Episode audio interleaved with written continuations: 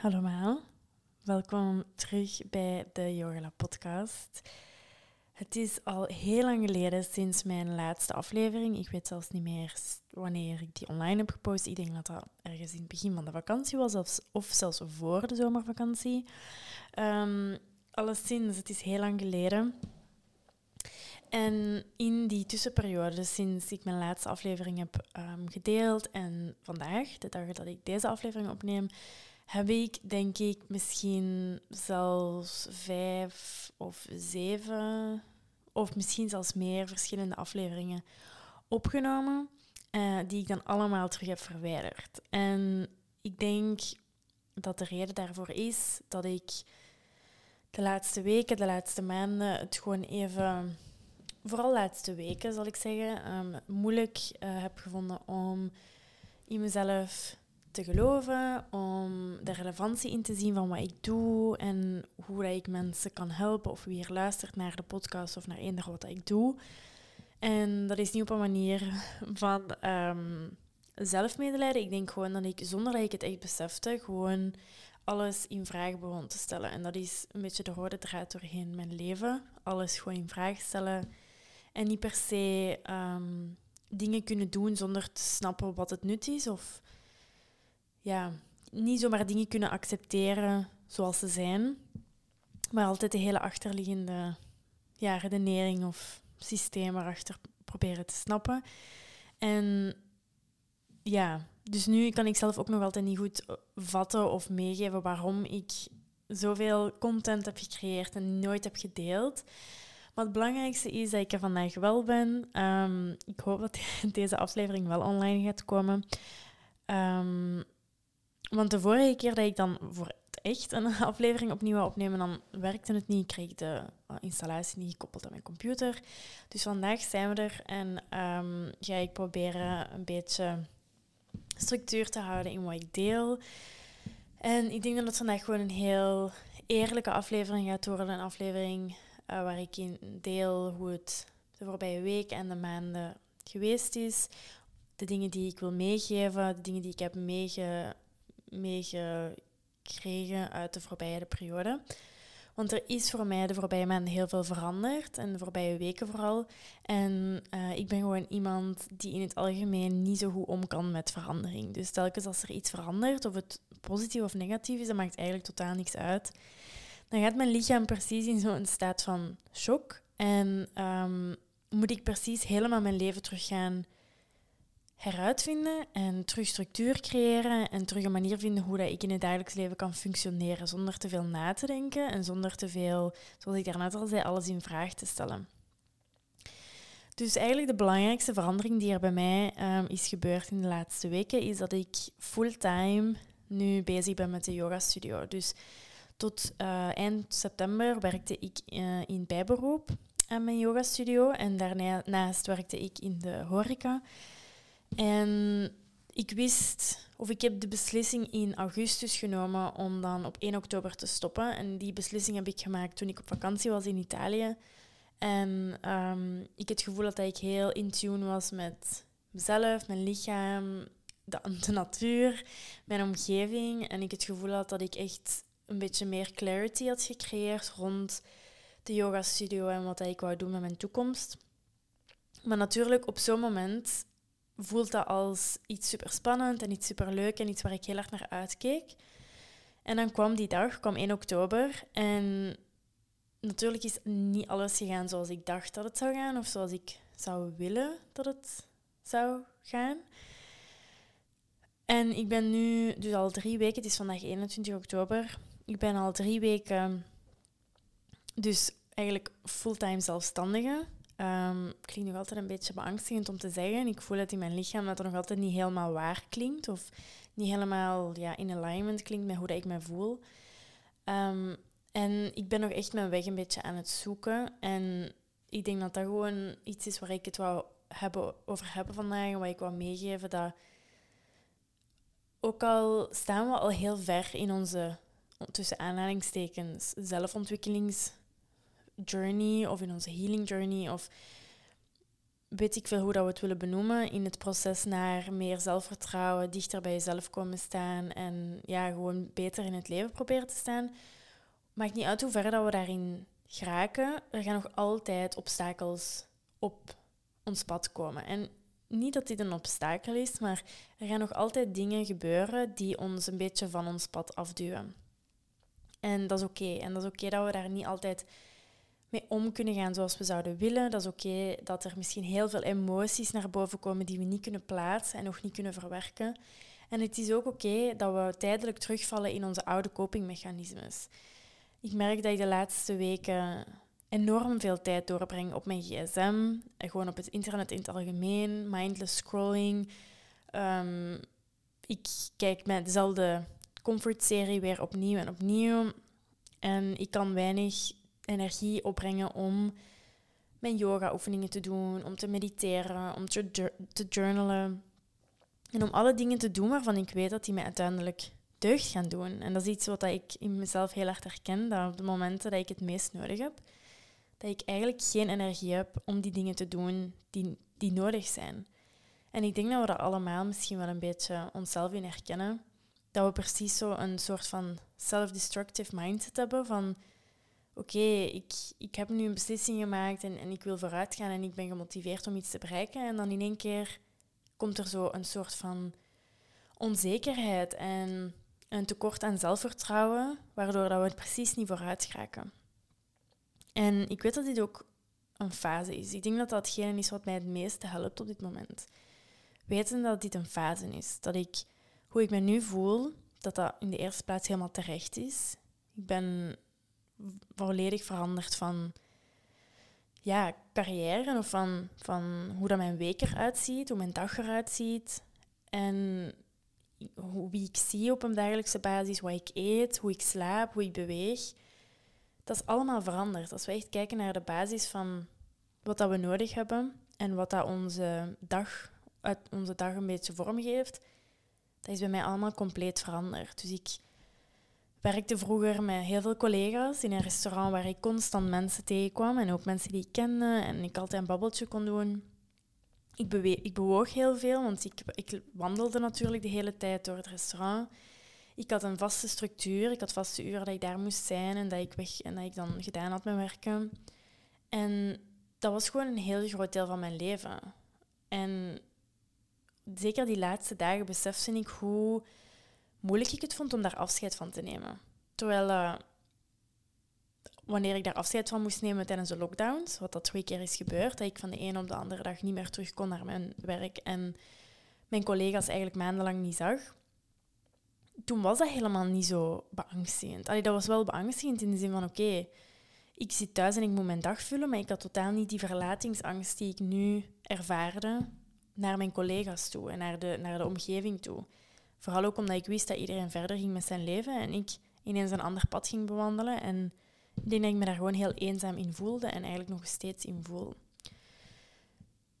Dus waar wou ik eigenlijk, waar wou ik eigenlijk naartoe? Ja, dus mijn dagen, dat was het. Mijn dagen zien er nu helemaal anders uit. Ik heb eigenlijk geen enkele routine buiten de groepslessen die ik geef op woensdagavond en op zondagochtend, buiten de bedrijven waar ik les geef en de privé mensen die ik, mensen die ik voor privé, mensen zie voor privé yoga.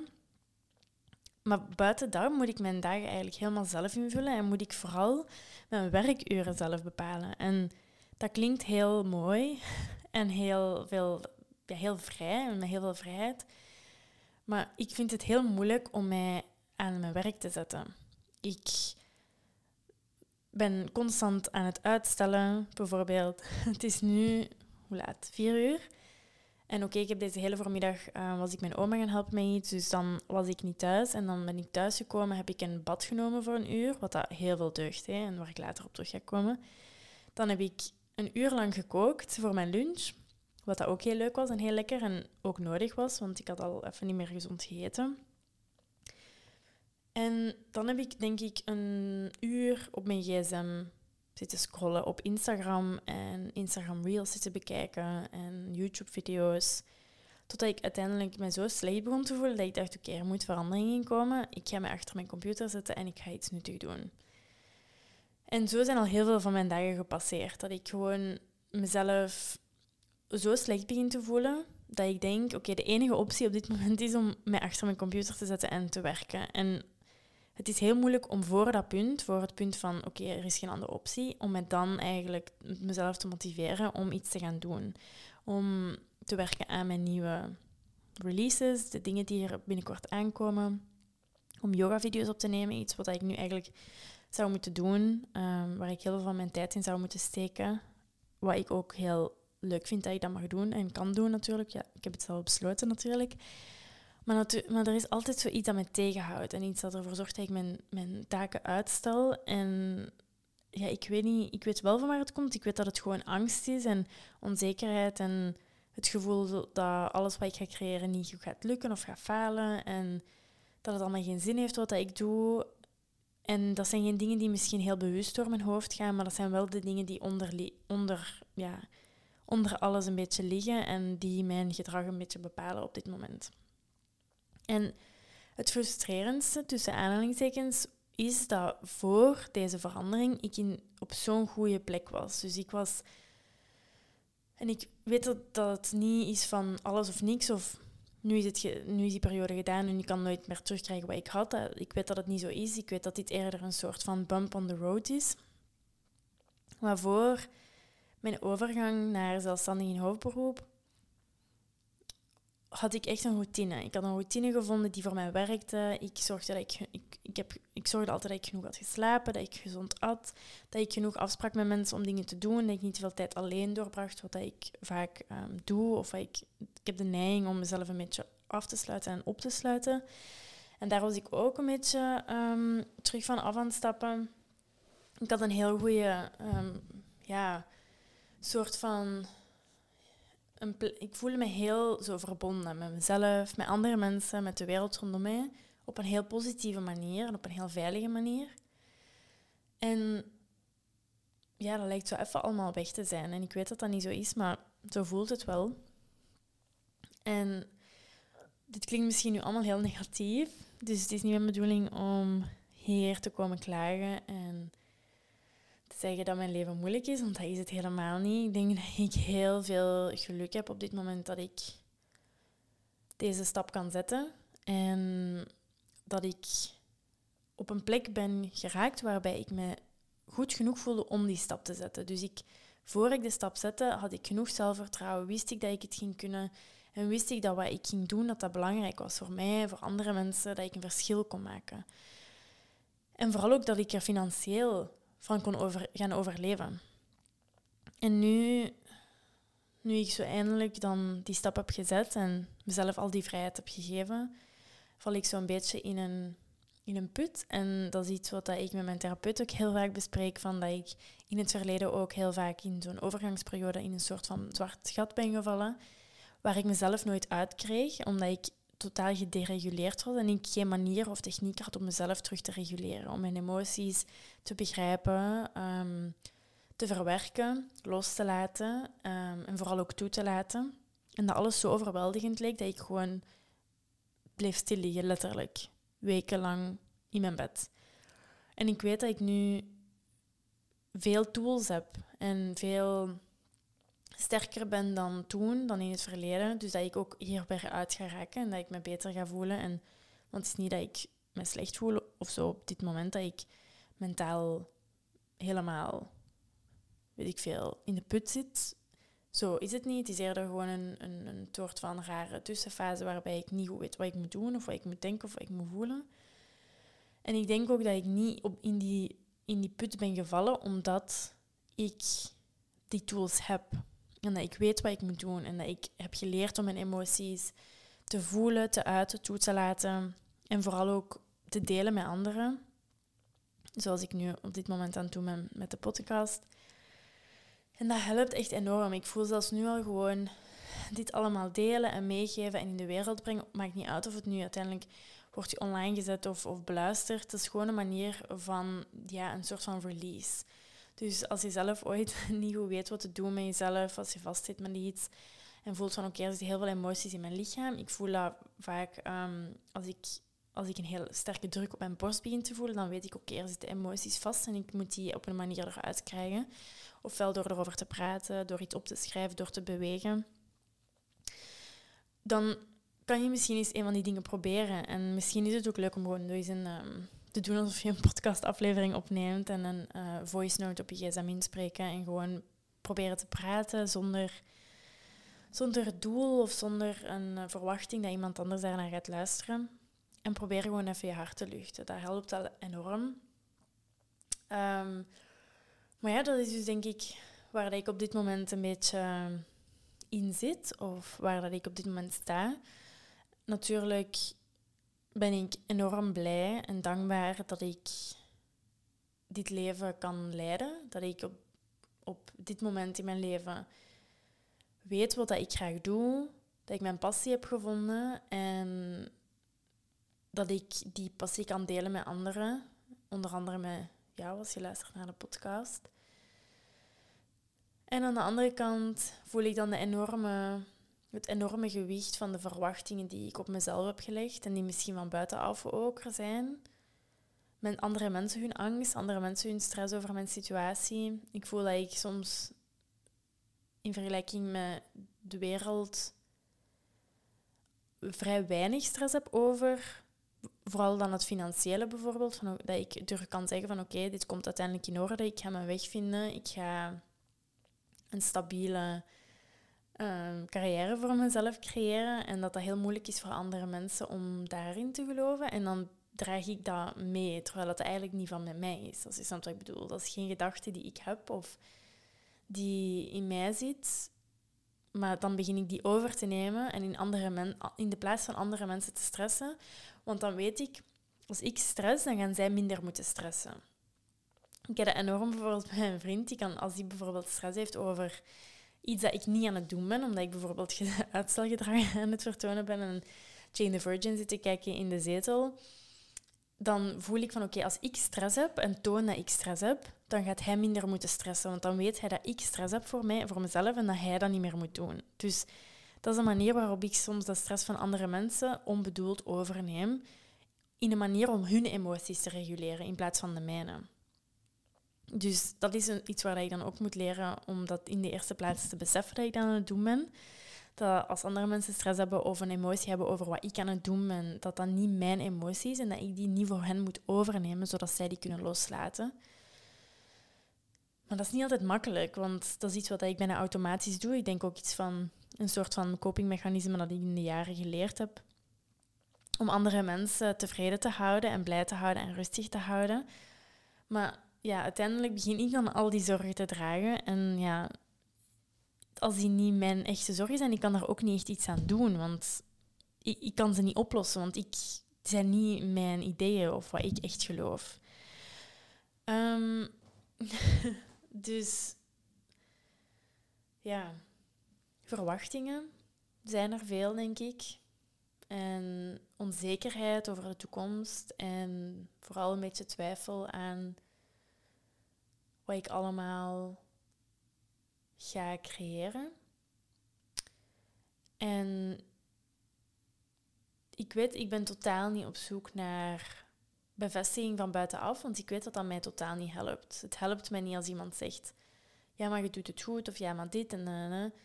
Dat zijn allemaal tijdelijke pleisters op de wonden.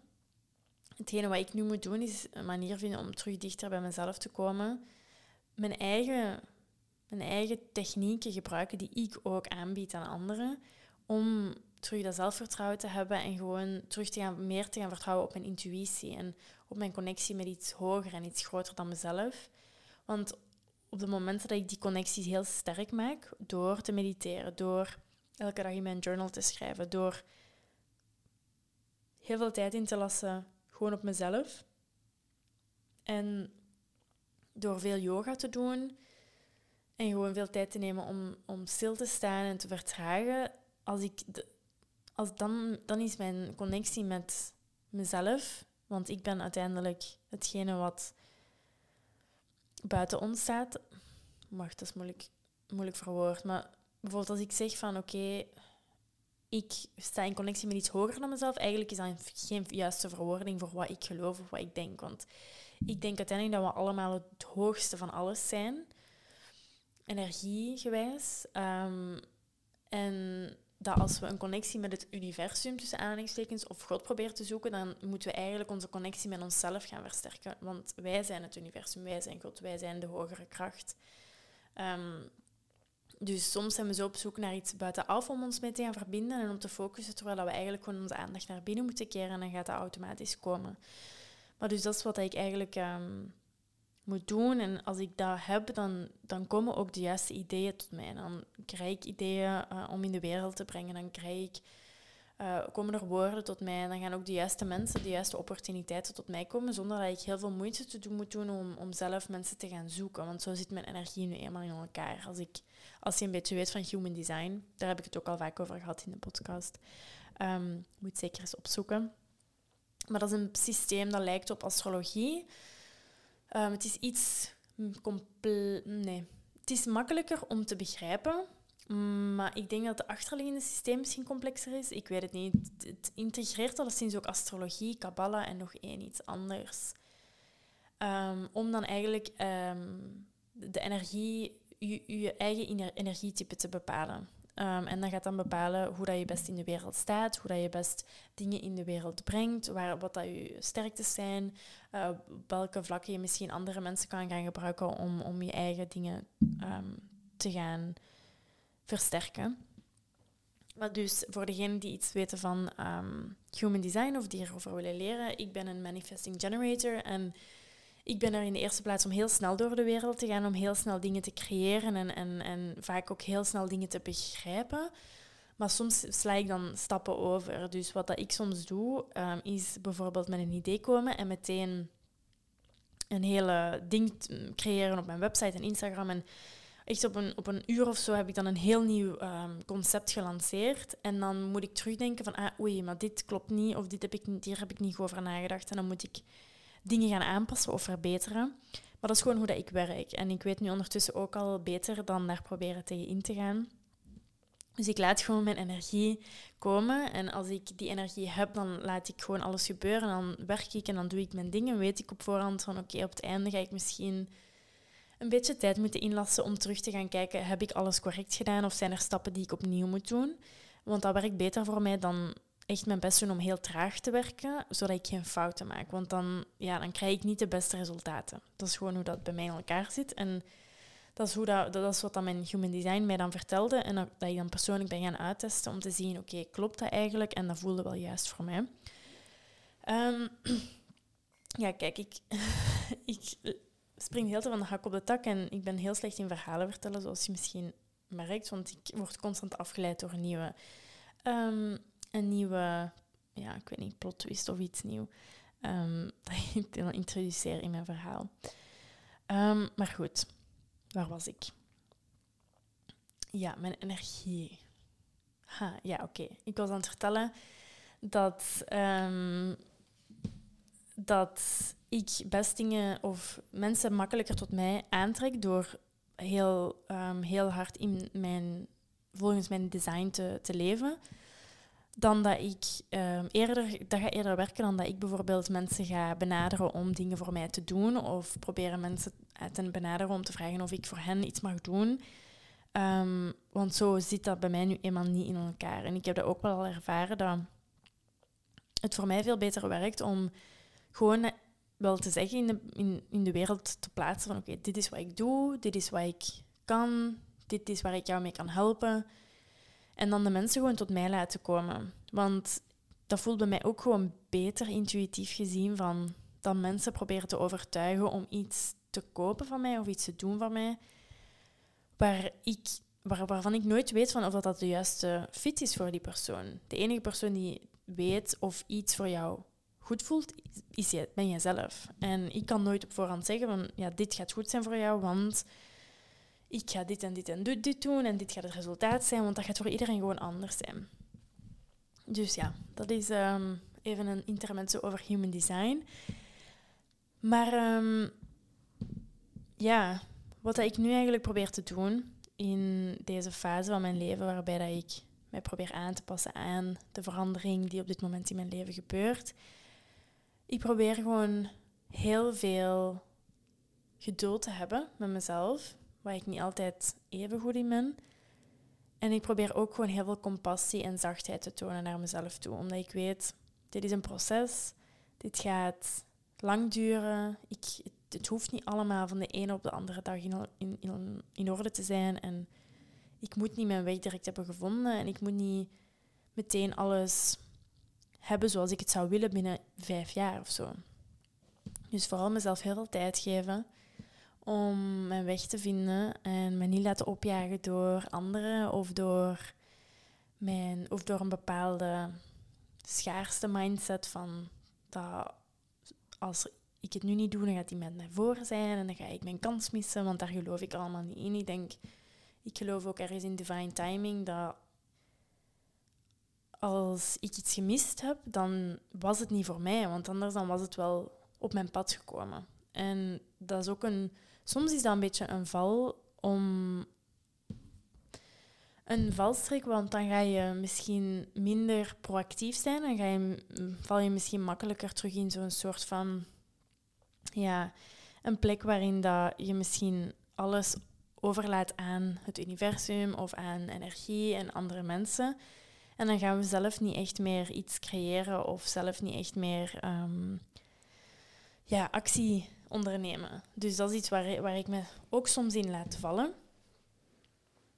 Um, maar er, er, kan een mooie balans zijn. Er, er, zijn bepaalde dingen die wij kunnen doen om bepaalde dingen te bereiken, om, om bepaalde stappen die we kunnen zetten naar het leven dat we willen, bepaalde stappen die we kunnen zetten dichter naar onszelf toe.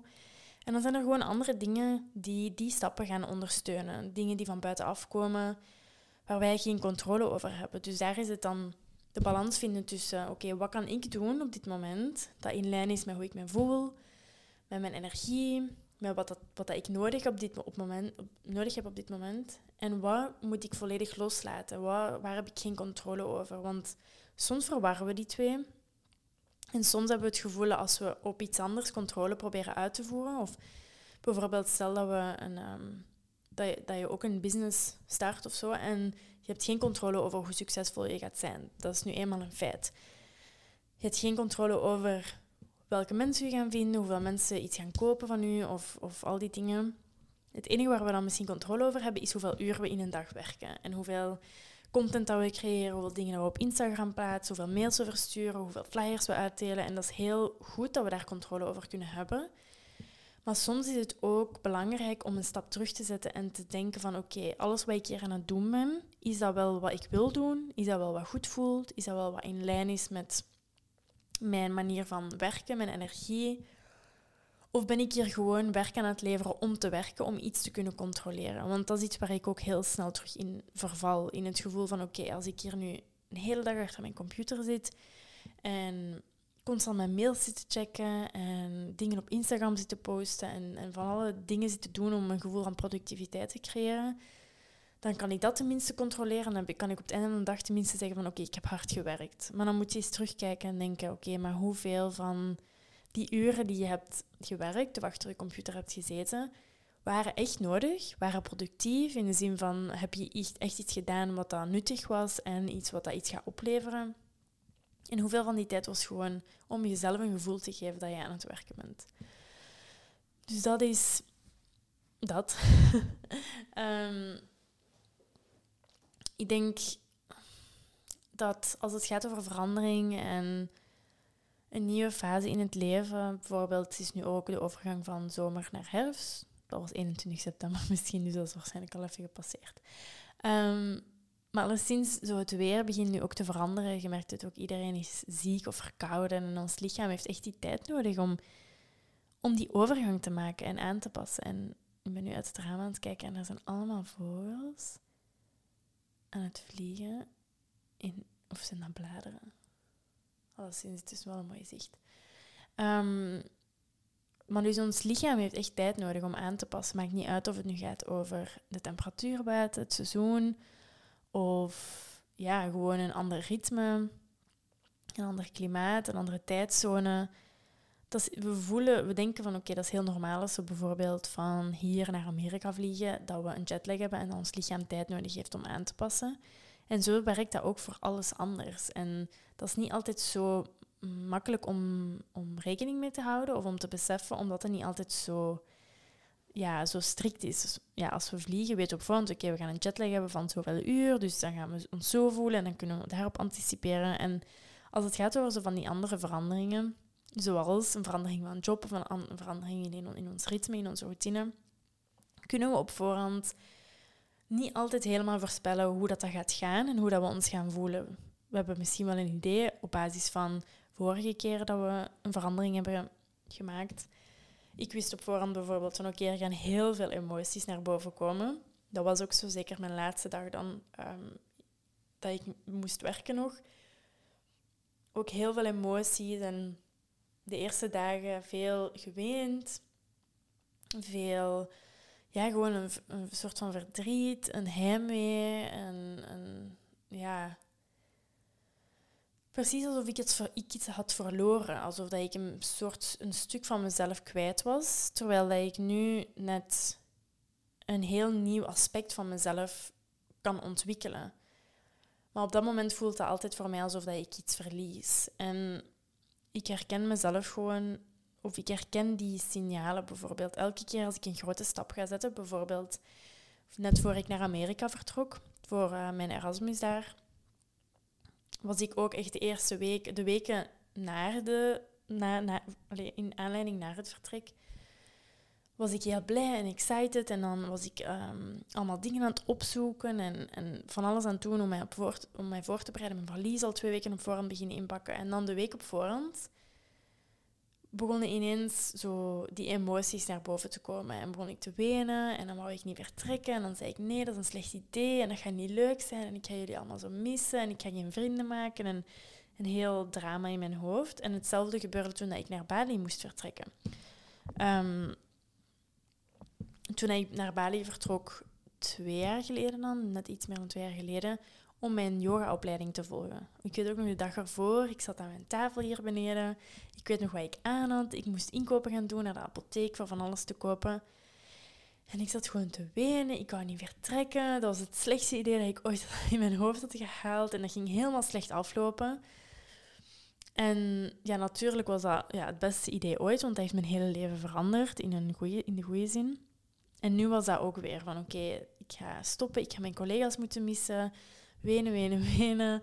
Um, echt uh, het idee van dit, dit was echt een slecht idee waarom heb ik dat gedaan? En heel oprecht echt gewoon mezelf in vraag beginnen stellen van oké, was dit wel een goed idee? Want we kunnen misschien wel zo dramatisch zijn en zeggen van oh, ik ga jullie missen. Dit voelt heel eng aan. Maar op dat moment was ik echt aan het denken van oké, is er een manier om hier te blijven? Kan ik mijn vertrek ver, allez, uitstellen? Kan ik misschien toch nog één of twee dagen per week hier blijven werken? Of hoe kan ik dit, dit, deze verandering zo ver mogelijk in, het, in de toekomst stuwen? En ja, gewoon voorkomen dat ik me zo moest voelen. Maar ik wist, oké, dit is gewoon mijn reactie, dit is hoe ik ermee omga. En dat helpt wel echt om te weten van, oké, dit is mijn proces, dit is hoe dat mijn lichaam erop reageert, dit is de emotie die aanwezig is. En door dat, dat besef te hebben van, oké, dit herken ik, um, dit is normaal. En dat is meestal de, zeg je dat zo, de prelude of de, de voorspelling dat er iets life-changing gaat gebeuren. Want zowel mijn reis naar Amerika heeft mijn hele leven veranderd en echt ja, heb ik heel veel mensen in mijn leven gekregen die, waar ik nog tot op de dag van vandaag contact mee heb en die heel, heel belangrijk zijn voor mij. En hetzelfde met mijn reis naar Bali heeft mijn hele leven veranderd. Anders was ik deze podcast hier niet aan het maken. En ik weet ook dat deze stap mijn leven op een heel goede manier gaat veranderen. Het is gewoon een mega grote stap uit mijn comfortzone. En dat is gewoon hoe dat ik daarmee omga. En ook ja, nu, mijn hele lichaam bijvoorbeeld is ook echt gewoon vermoeid. Ik heb heel veel acne op mijn gezicht. Dat heeft ook wel met mijn hormonen te maken, die nog altijd niet helemaal gereguleerd zijn sinds dat ik um, acht maanden geleden ben gestopt met de pil. Dus dat speelt ook natuurlijk mee. Maar ik voel mijn hele lichaam is gewoon zo in een staat van chaos en paniek en weet gewoon niet wat er gebeurt. En dat is oké. En ik moet mezelf gewoon de tijd geven om te ontspannen en tot rust te komen en te vertragen. En daarom bijvoorbeeld vandaag ook een bad nemen heeft zoveel deugd gedaan. Echt een mega warm bad met dan allemaal magnesiumvlokken. En dan kaarsjes aangestoken en een beetje in mijn boek gelezen. En ook gewoon, gewoon veel gelegen en nagedacht. En dan een lekker lunch gemaakt. En gewoon mezelf niet, uh, of niet te streng te zijn voor mezelf. Van oké, het is oké dat ik het moeilijk vind om mij aan mijn werk te zetten. Het is oké dat ik niet zoveel gedaan krijg als ik zou willen. Het is oké dat alles een beetje trager gebeurt en dat ik iets langer neem om bepaalde stappen te zetten, omdat het gewoon allemaal heel eng is. Ik denk dat iedereen, oké, niet iedereen, maar veel mensen die in mijn situatie zou zijn op dit moment, ook heel veel schrik zouden hebben. Dus en ik zou nooit tegen die persoon, als iemand van mijn vriendin in deze, in deze situatie zou zitten, dan zou ik nooit zeggen van oké, ehm, ik denk dat het tijd is om te gaan werken. Ik denk dat het tijd is om alles eh, om los te laten wat dat je in je hoofd hebt, om te stoppen met jezelf medelijden te hebben en gewoon je ding te doen. Ik zou ook heel veel compassie en, en ja, gewoon een luisterend oor bieden aan die vriendin.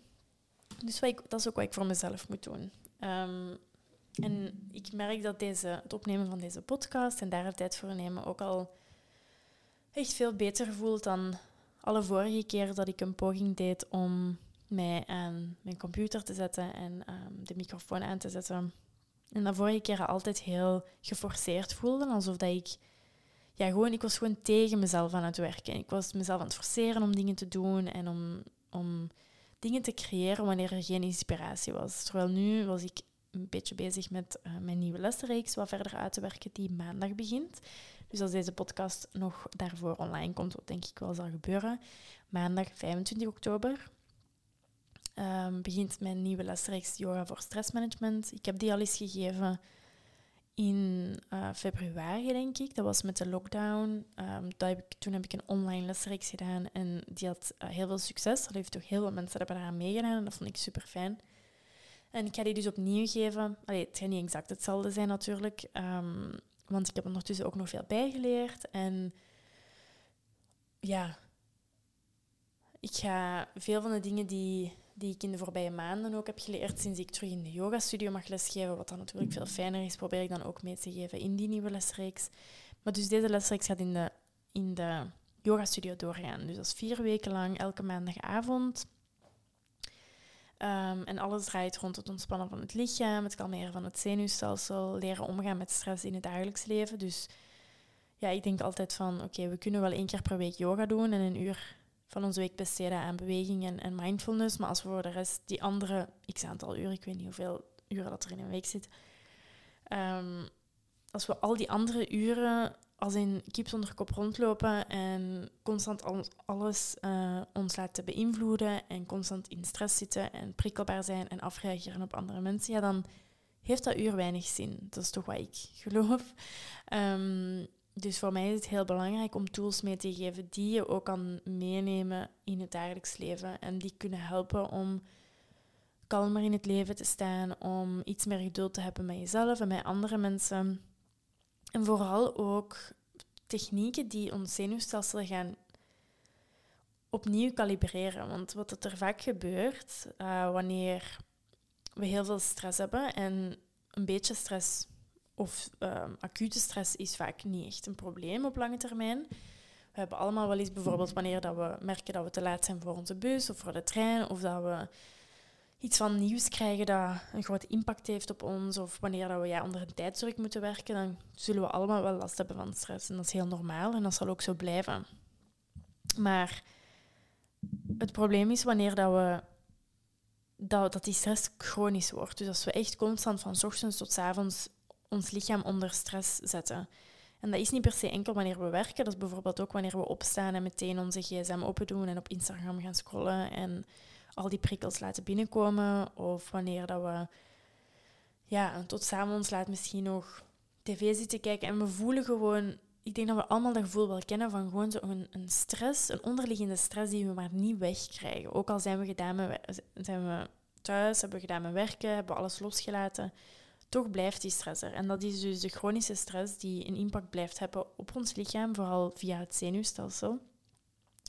En ons zenuwstelsel, dat is dus de manier waarop dat onze brein uh, allemaal prikkels en informatie doorgeeft naar de rest van het lichaam. Dus naar onze spieren, naar onze organen. En wanneer dat ons zenuwstelsel constant in een staat van stress is, in een soort van actie uh, staat, dan gaat dat een signaal geven naar onze maag bijvoorbeeld dat we geen tijd hebben om deftig te verteren, want er is een gevaar dat, dat op ons af gaat komen. Um, gaat constant adrenaline uh, in ons lichaam spuiten. Dat gaat zorgen dat onze spieren altijd opgespannen zijn en klaar om te lopen. Um, dat gaat ervoor zorgen dat we heel slecht slapen, want ja, we moeten eigenlijk altijd alert zijn voor als er iets erg zou gebeuren. En ja, dat gaat er dus voor zorgen dat we, zoals ik net zei, slecht gaan slapen, slecht gaan eten, slecht gaan verteren vooral. Um, ja, en dat ons hoofd gewoon nooit stil kan staan. En door yoga, door mindfulness, door ademhalingsoefeningen. Voor mij is een van de krachtigste dingen is onze, ja, onze ademhaling. Die kan van, de ene, van het een op het andere moment ons zenuwstelsel ja, switchen en kalmeren. Van een staat van actie naar een staat van rust. En dat is dus de bedoeling van deze lesreeks. Om aan ons lichaam te gaan leren hoe dat we dat opnieuw moeten doen. Want we weten allemaal, ons lichaam is veel slimmer dan dat we denken. En vaak moeten we gewoon naar ons lichaam luisteren en weten we het antwoord op onze vragen of op onze problemen. En weten we wat we moeten doen. Dus door terug te gaan naar yoga, naar mindfulness, meditatie, relaxatieoefeningen, gaan we ons zenuwstelsel kalmeren. En waarschijnlijk ga je dan bijvoorbeeld, stel dat je meedoet aan de lesreeks en maandagavond een les volgt en dan dinsdag naar het werk gaat en er is een stress, stresserende of stressvolle situatie, dan gaat je lichaam daar waarschijnlijk weer op reageren en dan ga je weer in die actiestaat komen. En dan zou ik, of zou het in een ideale situatie, zou je dan een oefening die we maandag hebben geleerd kunnen toepassen om het zenuwstelsel weer te kalmeren. Zodat wanneer je dan smiddags gaat lunchen bijvoorbeeld, dat je eten deftig kan verteren. En wanneer je s'avonds thuis komt, dat je deftig kan slapen. En zo gaat ons leven gewoon verbeteren. Want als we slecht slapen en slecht verteren en al die andere dingen, als er constant bepaalde hormonen in ons lichaam zitten die de andere hormonen verstoren, ja, dan gaan we gewoon ongezond, gaan we ons ongezond voelen, gaan we ons moe voelen, gaan we ons prikkelbaar voelen. En gaan we op termijn ook gewoon een heel negatieve uh, kijk krijgen op de wereld. Want alles lijkt een gevaar, alles is een reden om in paniek te geraken, alles is een, is een, een, reden om ons, om, om ja, ons zorgen te gaan maken. Dus ja, ik denk dat die lessenreeks heel veel mensen kan helpen. En um, ik weet dat niet iedereen last heeft van chronische stress. Dus als je merkt van oké, ik ben vrij rustig, um, ja, dan zou ik, is het niet per se nodig hè, om, om zo'n lesreeks te volgen. Als je denkt, oké, ik heb toch vaak het gevoel dat mijn leven niet echt loopt zoals ik zou willen. Of dat ik soms zo overhaast dingen doe en geen tijd heb om um, na te denken. En vooral dat is het, hè, zo die die meteen zo een reactie te geven op iets wat er gebeurt zonder na te denken. Waardoor dat we soms ook misschien kwader gaan zijn op mensen dan dat we zouden willen. Zouden we ja, misschien iets te snel op onze tenen getrapt zijn en, en ja, al die zaken. Dus als je graag wilt meedoen aan de lesreeks, dan ga ik de link in de beschrijving van de podcast aflevering uh, zetten. Dan kan je naar de website gaan. Er zijn maar tien plaatsen in totaal en er zijn al verschillende ingenomen. Dus um, dan schrijf je je best op tijd in. Maar dus dat is de lessenreeks, waar dat ik dus op dit moment aan het werken ben. Ik weet al niet meer wat ik daarover, daarvoor aan het eh, vertellen was, maar uh, iets wat ik nog had opgeschreven, waar ik het over ging hebben, is het eerlijk zijn naar mezelf toe en naar de buitenwereld toe. En deze podcastaflevering is een van die stappen in dat proces. Omdat ik soms merk, ik ben sowieso iemand die het heel moeilijk vindt als ik het gevoel heb dat mensen niet oprecht zijn. En dat kan op individueel niveau zijn en dat kan op het niveau zijn van uh, bedrijven of van, ja, weet ik veel, Instagram-accounts. Als ik het gevoel heb dat mensen een bepaald beeld proberen te presenteren van zichzelf of van hun brand, of maakt niet uit van wat. En als ik weet dat er eigenlijk heel andere dingen gaande zijn die niet echt zijn zoals het lijkt, dan vind ik dat heel moeilijk om daarmee om te gaan. En daarom dat ik het laatste tijd ook veel moeilijker vind om bijvoorbeeld op Instagram aanwezig te zijn, Omdat ik het gevoel heb dat Instagram, zoals we altijd zeggen, die highlight reel is. En dat er weinig ruimte is om ehm, echt eerlijk te zijn en open te zijn. En om dingen te tonen zoals ze echt zijn. Omdat dat vaak afschrikt. Ehm, als mensen enkel foto's posten van hoe dat ze eruit zien als ze net wakker worden. Of als ze enkel posten over hoe dat ze zich slecht voelen. Als ze iets, of, iets dat ze hebben meegemaakt. Ja, dan dat, dat zijn niet de berichten die die graag gezien worden. Dat is toch de, het idee dat ik heb. En ik merk wel dat er een heel grote verandering is en dat mensen veel meer um, neigen naar uh, mensen die heel open zijn, oprecht zijn, bijvoorbeeld. Um, op Instagram volg ik de Birds Papaya. Dat is ook iemand die vrij um, bekend is op Instagram, denk ik. En die heel open is over haar body image um, journey, hoe dat ze zich voelt over haar lichaam. En over alles eigenlijk gewoon heel open en authentiek en ja, zonder veel te verbergen. Dus ik voel wel dat er die neiging is naar meer authenticiteit, maar ik vind het zelf nog altijd heel moeilijk om daar een balans in te vinden. Dus uh, bijvoorbeeld ik als yogaleerkracht met een yogastudio die tips deel om beter met stress om te gaan, of je beter in je vel te voelen, of bij rust in je dagelijks leven te creëren. Want dat zijn allemaal dingen die ik wel, waar ik ervaring mee heb en waar dat ik zelf ook heel veel werk in heb verricht al en waar ik ook heel ver mee, ver bij, mee sta. Ik denk dat ik de persoon die ik bijvoorbeeld nu ben, is compleet anders dan de persoon die ik een jaar geleden was, op een heel positieve manier. Met meer zelfvertrouwen en ook gewoon minder mij laten meesleuren in die hustle culture en werken, werken, werken. En mijn identiteit hangt vast aan mijn prestatie en, en wat de andere mensen van me denken. En, en dus daar is een heel grote shift in gebeurd en daar is, daar is heel veel tijd en energie in gekroppen. Dus daar wil ik ook heel graag mijn dingen over of mijn lessen over meegeven. Maar aan de andere kant weet ik dan ook bijvoorbeeld, zoals ik aan het begin al deelde, dat niet alles perfect is en dat er heel veel dingen zijn waarbij ik denk, oké, het is geen lineair proces. Ik heb terug precies een stap teruggezet, maar dat is eigenlijk niet zo. Dat is gewoon even een tijdelijke...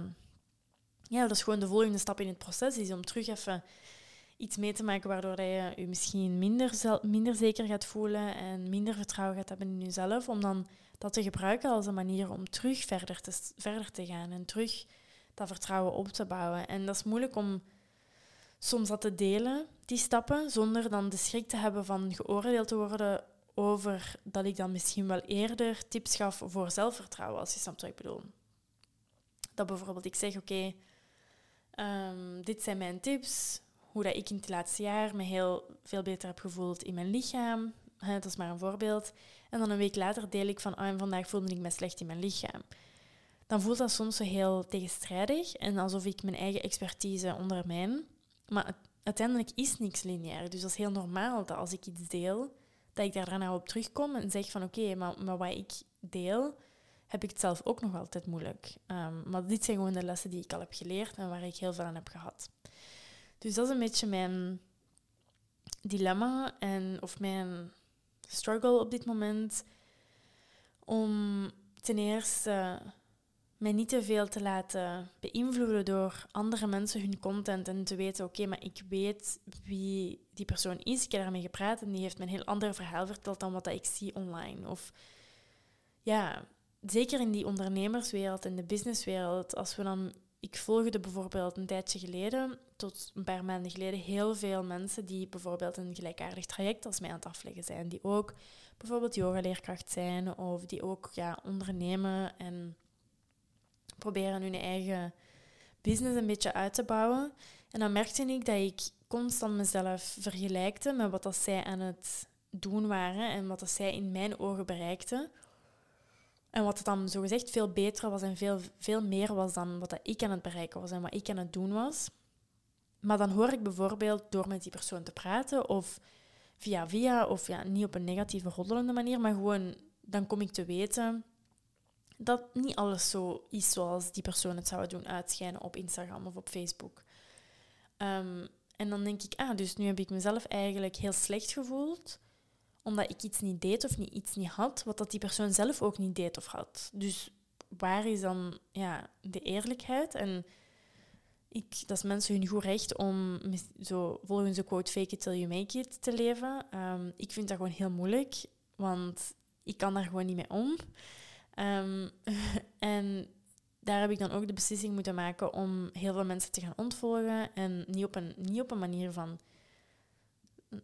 Ja, op, niet op een negatieve manier. Of op een manier dat ik andere mensen wil shamen. Of dat ik mensen niet leuk vind. Want heel veel van die mensen die ik moest ontvolgen, vond ik net heel leuk. En vond ik dat ze het super goed aan het doen waren. En me wens ik nog altijd het aller, aller, allerbeste toe. Maar ik merkte dat ik dan constant mezelf ging vergelijken. En het belangrijke bij zoiets als mensen te gaan ontvolgen op Instagram omdat die mij te veel triggerde. Het belangrijke is om te beseffen dat, oké, hetgene wat dat ik getriggerd word door die persoon via Instagram, gaat niet ineens weggaan door die te ontvolgen. Dus dat is ook iets wat ik moest meenemen van wat speelt er hier, wat raakt mij hier en wat is mijn onderliggende issue of mijn onderliggende geloof, waardoor dat ik mij slecht voel als ik die andere persoon zie. En daar moet ik dan zelf ook aan gaan werken, want het heeft geen zin om alle triggers gewoon uit te schakelen, want ja, dan zijn nog altijd die knopjes er die uiteindelijk ingedrukt kunnen worden wanneer dat we het niet weten of niet, wanneer dat we niet, niet verwachten. Um, dus dat was even mijn rant over authentiek zijn en eerlijk zijn naar mezelf toe, naar de buitenwereld toe. En ik weet ook dat er gewoon dat het niet altijd nodig is om alles te delen. Uh, want dat is ook iets wat ik heb geleerd, en, of iets waar ik nu in geloof, dat uiteindelijk Instagram en alles, social media in het algemeen, geeft ons toegang tot andere mensen hun, hun, ja, hun energie. En ik wil ook niet onnodige energie opnemen, uh, ja, inpakken. En dat is misschien dan een gevoel van dat ik moet leren of durven plaats in te nemen en, en andere mensen hun tijd in te nemen. Want dat is dan eerder ook uit een onzekerheid van ik heb niet het recht om andere mensen hun tijd en energie te gaan uh, vragen. Maar dat vind ik gewoon in het algemeen. Want we spenderen al zoveel tijd online. En ik ben zelf ook heel bewust van dat ik op sommige momenten mijn gsm niet aan de kant kan leggen. En ik wil eigenlijk daar niet in meegaan. In, ik wil niet een van die pionnen zijn in het hele ding van mensen online te houden en te blijven kijken en, en, en content constant naar mensen hun hoofd gooien, zodat ze maar dingen van mij zouden kopen of mijn, of mijn diensten zouden uh, gaan aannemen. Um, dus daar probeer ik dan ook weer een balans tussen te vinden. Dus oké, wat, deel ik? Wat is relevant voor mij? En wat kan relevant zijn voor anderen? En wanneer hou ik mijn mond gewoon en deel ik niks, omdat er gewoon niks relevant te zeggen is. Want soms denk ik, als we op sommige mensen op Instagram zien, dan denk ik, oké, maar voor mij zou het niet goed voelen, want dat is dan ook weer heel persoonlijk, want iedereen is anders en iedereen zijn energie is anders en, en staat anders in de wereld. Voor mij zou het niet goed voelen om constant alles te delen wat ik doe op een dag. En op een gegeven moment dacht ik dat dat nodig was om succesvol te zijn. En dacht ik dat als ik niet mijn hele leven deelde en super open was over alles, dan ga ik, ga ik nergens geraken. Want dat is hoe dat we andere mensen succesvol zien worden, vooral op social media. En dat is dan ook weer iets wat ik heb moeten veranderen. Het idee dat ik ook mijn mensen kan vinden en, en kan mijn business uitbouwen op mijn manier. Door even te zoveel te delen als ik zelf wil. En vooral ook te delen over wat ik zelf wil. Bijvoorbeeld, ik zal misschien delen over mijn, um, mijn mentale gezondheid en over mijn emoties en over ja, dingen zoals wat ik vandaag aan het delen ben. Maar ik ga nooit iets delen over mijn persoonlijke relaties of mijn vriendschappen of over ja, dingen die er gewoon in mijn ogen persoonlijk zijn en waar ik niks over wil delen met mensen die ik niet ken.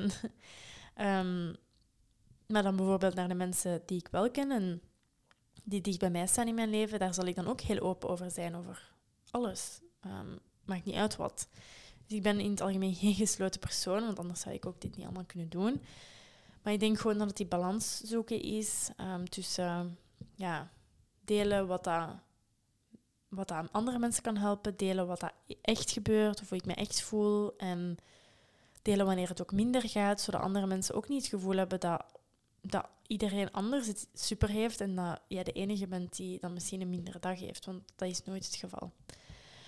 Um, dus ja, mijn takeaways, denk ik, uit deze aflevering is dat ik de komende weken, ik denk dat dit een lang, lang proces gaat zijn, gewoon heel veel geduld ga moeten hebben. Dat ik ga proberen terug te komen naar mijn routines. Um, voor mij, van sommige non-negotiables die mij helpen om mij terug mezelf te voelen en terug dichter tot mezelf te komen. En terug naar mijn intuïtie te komen is meditatie. Um, gezond eten. En dat hoeft niet altijd um, salades en zo te eten. Deze ochtend, deze middag heb ik nu een salade gegeten. Maar bijvoorbeeld ook gewoon meer voedend, voedende maaltijden te hebben. Meer groenten, meer granen, al die dingen. Um, meer bewegen, want de laatste tijd beweeg ik dan uh, ook veel minder. En dan merk ik wel in mijn lichaam dat ik dan s'avonds soms nog te veel energie heb die ik niet heb opgebruikt. En dan vind ik het moeilijk om te slapen. Um, dus proberen iets meer te gaan sporten terug. Op een manier dat ik leuk vind en dat ik mezelf niet ga forceren. Dus ik ga bijvoorbeeld niet naar de fitness beginnen gaan of zo. Of bootcamps beginnen volgen, want ik voel dat mijn lichaam um, rustigere manieren van bewegen nodig heeft. Bijvoorbeeld misschien meer pilates gaan doen. Uh, ik heb nu ook een dansles dat ik één keer per week volg. Heb ik, vind ik echt superleuk. Ook al ben ik daar totaal niet goed in. Um, dat is echt leuk om zo eens in een andere setting te zijn en om iets, iets anders te proberen. Um, en ik ga ook proberen mijn yoga um, terug dagelijks, of ja, terug in mijn dagelijkse routine te brengen. Want tijdens de lockdown heb ik dus, als ik daar nu aan terugdenk, dan denk ik, aan hoe heb je dat gedaan? Maar dus ik deed elke ochtend een half uur tot een uur yoga. En dan mediteerde ik nog twintig minuten. En dan deed ik nog mijn journal journaling practice. En dan een smoothie en al die dingen. En dat was toen ook voor mij een manier om ja, mentaal een beetje gezond te blijven, omdat ik voor de rest totaal geen structuur heb. Dus dat is misschien een les wat ik kan meenemen nu, wetende dat vorige keer dat mij enorm geholpen heeft om kalm te blijven en niet in paniek te schieten, is om elke dag op hetzelfde moment op te staan, mijn yoga te doen, mijn meditatie te doen. En hetgene wat ik dan nu zou willen meenemen, wat ik vorige keer niet had tijdens de lockdown, is dat het oké is als die routine is een dag verandert. Of als, ik eens een, als er iets tussen komt, als ik me minder goed voel, als ik het gevoel heb dat ik wil uitslapen. Um, als ik bijvoorbeeld een wandeling wil maken in plaats van naar een sportles te gaan. Dat zijn dingen waar ik nu allemaal veel beter mee om kan, met onverwachte situaties en, en ook te leven met iets minder routine en iets minder structuur. En toch nog altijd um, ja, mentaal vrij gezond te blijven. Want vroeger bijvoorbeeld kon ik echt ineenstorten als ik niet elke dag mijn tien dezelfde dingen deed. En als ik ook maar één minuut niet volgens plan had geleefd, dan was het het einde van de wereld voor mij. En nu kan ik veel losser leven en heb ik het gevoel, oké, ik ik overleef het wel, ook als ik eens in plaats van om acht uur pas om negen uur of om half tien opsta. Dat is geen ramp, want uiteindelijk het allerbelangrijkste is nog altijd mijn mentale en fysieke gezondheid. Zorgen dat ik ben uitgerust, zorgen dat ik gewoon uiteindelijk ook leef naar wat dat ik wil meegeven en wat ik deel op mijn Instagram en in mijn lessen en, en hier op de podcast. En dat ik zorg dat mijn werk of wat dat ik hier doe met de podcast en met de yoga studio, dat dat nooit belangrijker of gaat domineren boven, boven hoe dat ik mij voel. En dat er, dat, dat nooit voor gaat gaan. Um, en dat is niet altijd even makkelijk, zeker omdat de wereld rondom ons ook zegt dat om succesvol te zijn en om iets te bereiken, dat we heel hard moeten zijn en dat we um, ja, gewoon dingen gedaan moeten krijgen zonder um, daarover te zagen en dat we moeten werken, werken, werken. En ik ben hier om te zeggen dat het ook op een andere manier kan en dat ik nu midden in het experiment zit om dat zelf uit te gaan testen en om te zien hoe dat ik dat best toepas in mijn leven met mijn specifieke situatie en met mijn specifieke energietype en al die dingen.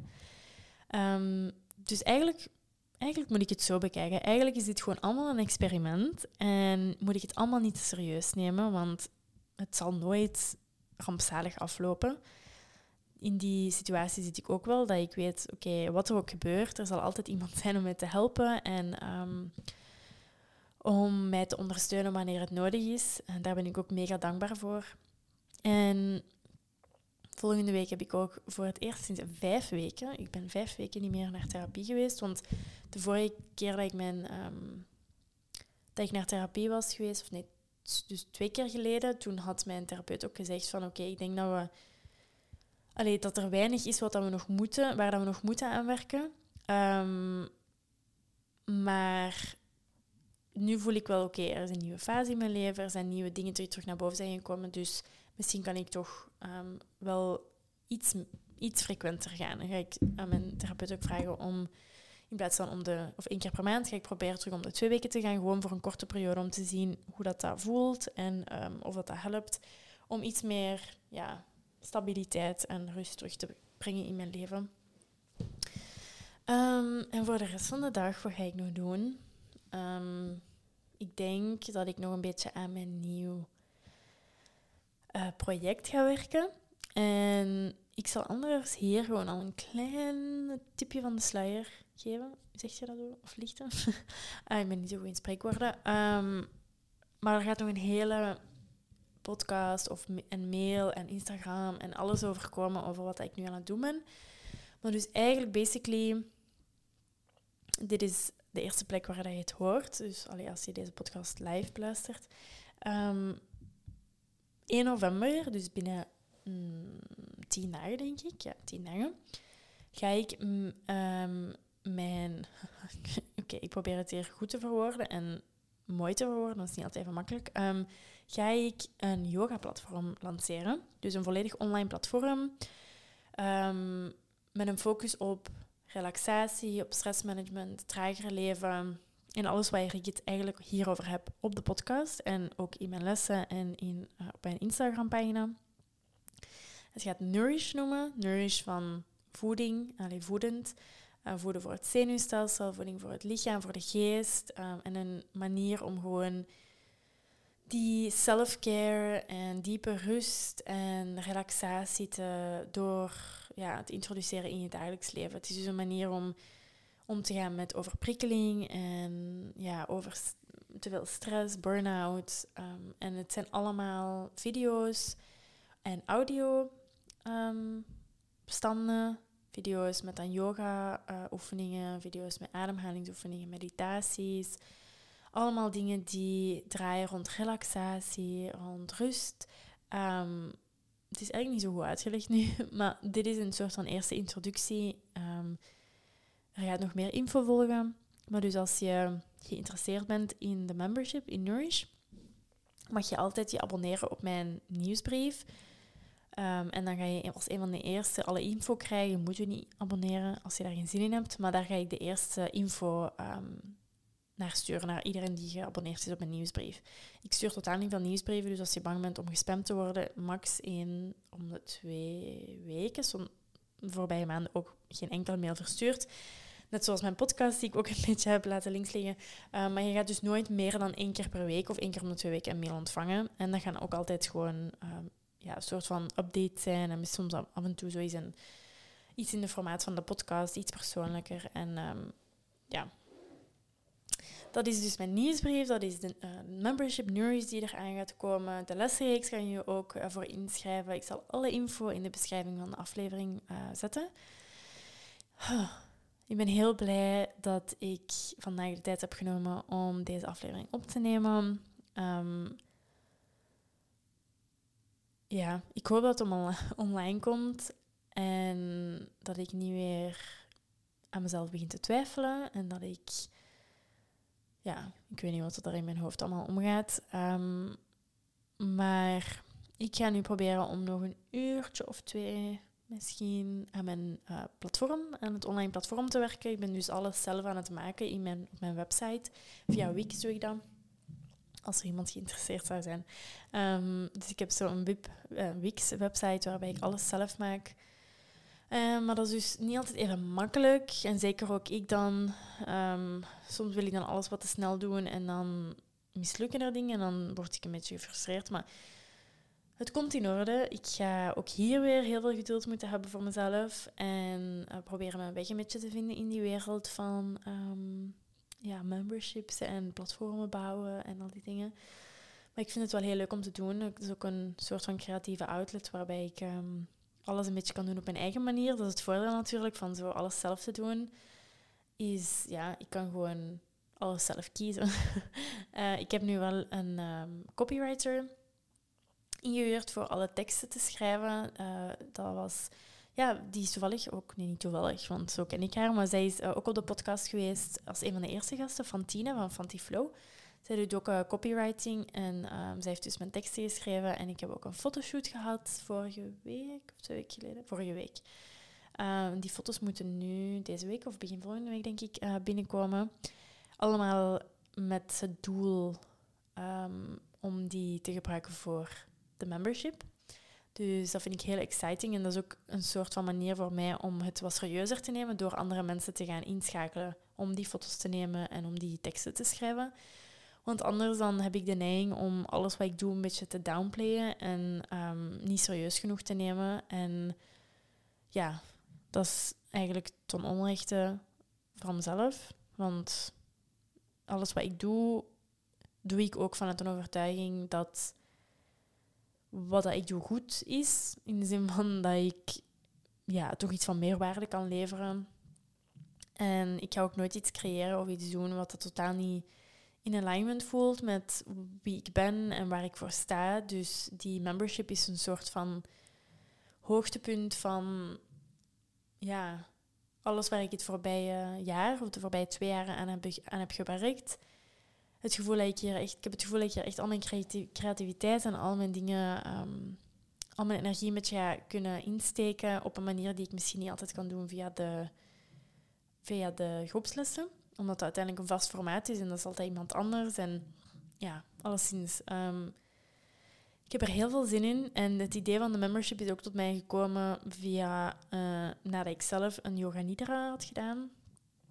Um, dus dat is ook zo van die, zijn van die dingen van als ik zelf meer rust en meer tijd in, in schakel om, om even niks te doen en om back to basics te gaan en um, bijvoorbeeld ook meer te gaan mediteren, meer yin yoga te doen, meer uh, relaxatie, aan relaxatie te doen, dan gaan er ook veel meer goede ideeën tot mij komen, omdat ik daarvoor opensta en dat ik mezelf niet constant overbelaad en bombardeer met informatie die eigenlijk totaal niet relevant is voor mij. Dat is ook iets wat ik merk met Instagram en social media in het algemeen, maar ook bijvoorbeeld um, door veel series of tv te kijken, dat er constant en veel podcasts te luisteren, dat er constant veel informatie um, tot mij, dat ik veel informatie tot mij neem, die niet altijd even belangrijk is of even relevant op dat moment van mijn leven, maar ik doe dat dan eerder uit gewoonte. Bijvoorbeeld bepaalde podcasts waar ik dan heel religieus naar luister en dat ik elke aflevering van beluister. Maar als er dan momenten zijn dat ik bijvoorbeeld eigenlijk net meer stilte nodig heb of vooral moet leren luisteren naar mijn eigen advies en mijn eigen ja, innerlijke stem, die vaak ook ja, het beste weet wat ik nodig heb, dan vind ik dat soms moeilijk om, om die switch te maken en te zeggen: Oké, nu even geen podcast, even geen Instagram-informatie. Um, maar dat is wat ik nu een beetje probeer te doen. Ik probeer ook weer meer non, uh, ja, fictie, fictie te lezen. Dat is iets wat, denk ik, wat ik denk ik ook in vorige aflevering heb gedeeld. Maar terug, um, ben terug naar de bib beginnen gaan. Ik heb mijn bibkaart genomen. Ik um, ja, heb nu heel veel uh, boeken uitgeleend die ik al heel lang wou lezen. En als er iemand graag leest, um, de boeken van Isabel Allende, vind ik echt super, super goed. Dus daar heb ik er nu al vier of zo van gelezen. Ik heb de het Bloemblad van de Zee gelezen. Ik heb Het Huis van de Geesten gelezen. Ik heb De Japanse Minnaar gelezen. En nog één. Ik ben het vergeten. Ik denk vier. Um, en die vond ik allemaal heel, heel goed. En dan heb ik van uh, Min Jin Lee, dat is ook een schrijfster. Ik had haar boek Pachinko al gelezen. En nu had ik het boek Han gelezen. Dat was een boek van 600 pagina's. Ik heb dat op, ik heb dat op drie dagen of zo uitgelezen. Dus ook heel, heel goed. Um, en dan... Um, wacht, wat heb ik nog gelezen? Uh, ik ben nu in het boek De Schaduwkoning aan het lezen. Dat is een boek dat zich uh, plaatsvindt of zich afspeelt in Ethiopië tijdens de oorlog met uh, Italië. Um, maar ik zit nog niet heel ver, dus ik weet ook nog niet helemaal de context. Maar het is echt al een heel goed boek. en dan heb ik ook de, het boek van. Um, stond hier Amerikanen. Ja, ik, ik, kan haar naam niet zo goed uitspreken, maar dat is dus een Nigeriaanse schrijfster.